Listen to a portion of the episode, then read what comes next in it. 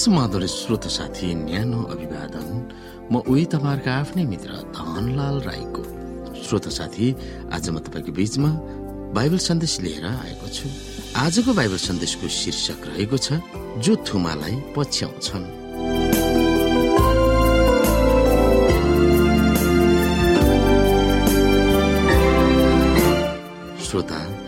बाइबलमा देखाइएको पशु कहाँबाट आउँछ र ऊ अधिकार सम्पन्न हुन कसले अधिकार दियो?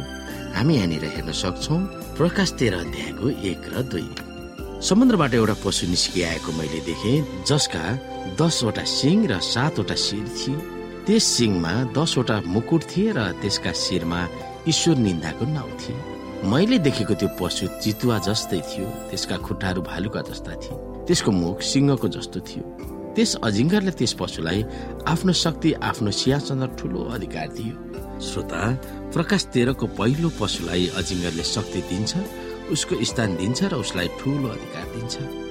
यसै गरी प्रकाश बाह्र अध्यायको नौ र प्रकाश बिस अध्यायको दुईले अजिङ्गर भनेको शैतान हो भनेर पहिचान गराएको छ। शैतान त शत्रु हो र उसले पृथ्वीका शासकहरूसँग मिलेर काम गर्दछ। पुरुष बालक जन्मिने बित्तिकै अजिङ्गर वा शैतानले मार्न खोज्छ भनेर प्रकाश बाह्र अध्यायको दुई र तिनले बताउँदछ। त्यो पुरुष बालक पछि परमेश्वरको सिंहासनमा पुग्यो भनेर पनि उल्लेख गरिएको छ। यो यसु ख्रिस्टलाई सम्बोधन गरिएको स्पष्ट छ। बालक ख्रिस्टलाई सखा पार्न शैतानले राजा हेरोत र रोमको राज्य शक्तिलाई प्रयोग गरेको थियो। यसुको जीवनको अन्त्यमा रोमी बडा हाकिम पिलातुसले यसुलाई मार्न हुकुम दिएका थिए। रोमीहरूले उहाँलाई निष्ठुर क्रुसमा टाँगिदिए। एकजना रोमी सिपाहीले उहाँलाई भालाले घोचेको थियो र रोमी सिपाहीहरूले उहाँको ज्यानलाई सुरक्षा दिएका थिए। प्रकाश तेह्र अध्यायको दुई अनुसार मूर्ति पूजा गर्ने रोमसँग अजिङ्गर वा शैतानले मिलोमत्त गरेर उदय हुने पशुलाई आफ्नो रोमी सरकारमा ठाउँ दिनेछ भनेको छ। अजिङ्गरले शैतानको प्रतिनिधि भनेर देखाइए तापनि खास गरेर त्यसले रोमी साम्राज्यलाई प्रतिनिधि गर्दछ। रोमी साम्राज्यको पतनपछि अजिङ्गरले वा शैतानले एक तत्वलाई शक्ति वा स्थान र ठूलो अधिकार सम्पन्न गराउँछ। त्यो अरू कुनै नभएर रोमको पोपीय तन्त्र हो। इतिहासविद एसी फ्लिकले यसरी व्याख्या गर्दछन् रोमको ध्वस्त राजनैतिक संरचनाबाट महान नैतिक साम्राज्यको उदय भयो। त्यो महाशक्ति भएर उदय भएको संरचना हो रोमन क्याथोलिक छ। प्रकाश तेह्र अध्यायको तीन र प्रकाश चौध अध्यायको चारलाई हामी हेर्न सक्छौ। ती पदहरूमा के भिन्नता छ? यहाँ लेखिएको छ मैले देखेको त्यो पशु चितुवा जस्तै थियो। त्यसका खुट्टाहरू भालुका जस्ता थिए र त्यसको मुख सिंहको जस्तो थियो। त्यस अजिङ्गरले त्यस पशुलाई आफ्नो शक्ति आफ्नो सिंहासन र ठुलो अधिकार दियो भनेर प्रकाश तेह्रको दुईमा लेखिएको छ। र तिनीहरू स्त्रीसँग लसपस भएका थिएनन् र आफूलाई चोखो राखेका थिए। थुमा जता जता जानुहुन्छ उहाँको पछि पछि लाग्नेहरू यिनीहरू हुन्।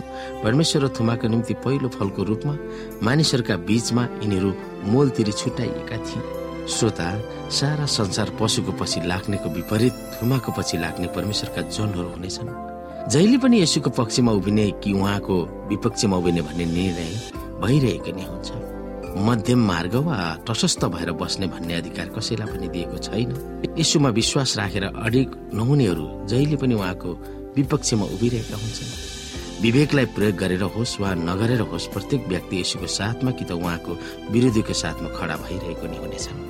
यसोले स्पष्ट भन्नुभएको छ मेरो नाउँको खातिर सबैबाट तिमीहरू घृणित हुनेछौ तर जो अन्त्यसम्म स्थिर रहन्छ त्यसैको उद्धार हुनेछ भनेर मत्ती दश अध्यायको अन्ततिर लेख्दछन्। अन्त्यसम्म स्थिर रहन हामी कतिको तयार छौँ। ती विषयमा हामी सोच्न सक्छौ कि हामी यसुको पक्षमा उभिने अवस्थामा छौँ या शैतानको पक्षमा उभिने अवस्था छ। हामीले दुईमा एक त रोज्नै पर्दछ। कि दुईमा एकलाई लिएर हामी लाग्नै पर्दछ। त्यसले निर्धारण गर्नेछ कि हामी ख्रिस्यसुको पक्षमा छौँ या हामीले शैतानको पक्षमा या पशुको छापमा हामी लागिरहेका छौँ।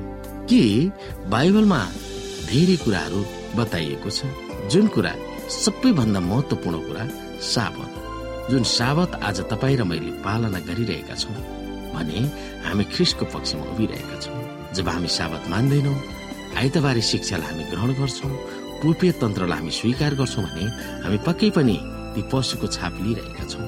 ती कुरामा हामीले आफैलाई आफैले जाँच्न सक्दछौँ कि हामी कसको पक्षमा उभिरहेका छौँ भनेर। यी कुरा हामीले विचार गर्नुपर्दछ।